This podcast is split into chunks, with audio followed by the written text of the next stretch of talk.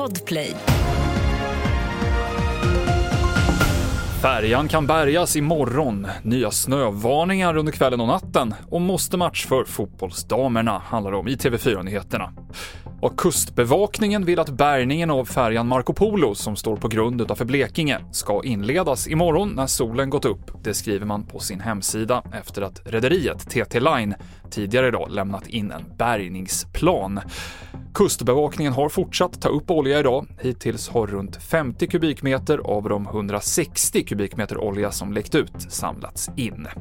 Snöandet tilltar på nytt under kvällen och natten i södra och mellersta Norrland och SMHI har utfärdat flera varningar.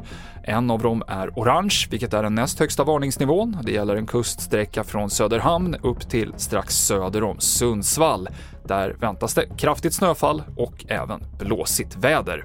Fotboll nu. Ikväll möter Sverige Italien i Nations League i Malmö och det är avspark 18.30. Sverige behöver vinna matchen för att fortsatt ha chansen att ta sig till OS i Paris nästa år.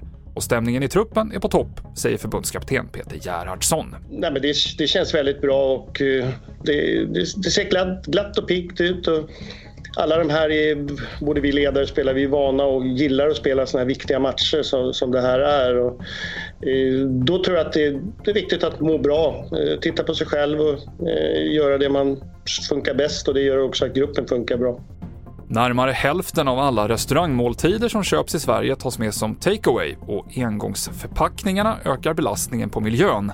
Nu har Livsmedelsverket gett klartecken för ett projekt i Östersund där kommunen uppmanar stans restauranger att be kunderna ta med egna matlådor. Målet är att väcka tanken, eh, få våra medborgare att tänka lite annorlunda, ändra beteende eh, och också informera våra restaurangägare om att det är helt okej okay att de tillåter sina kunder att ta med egen låda. Det sa Ida Sjölund som är avfallsstrateg i Östersunds kommun och det avslutar TV4-nyheterna.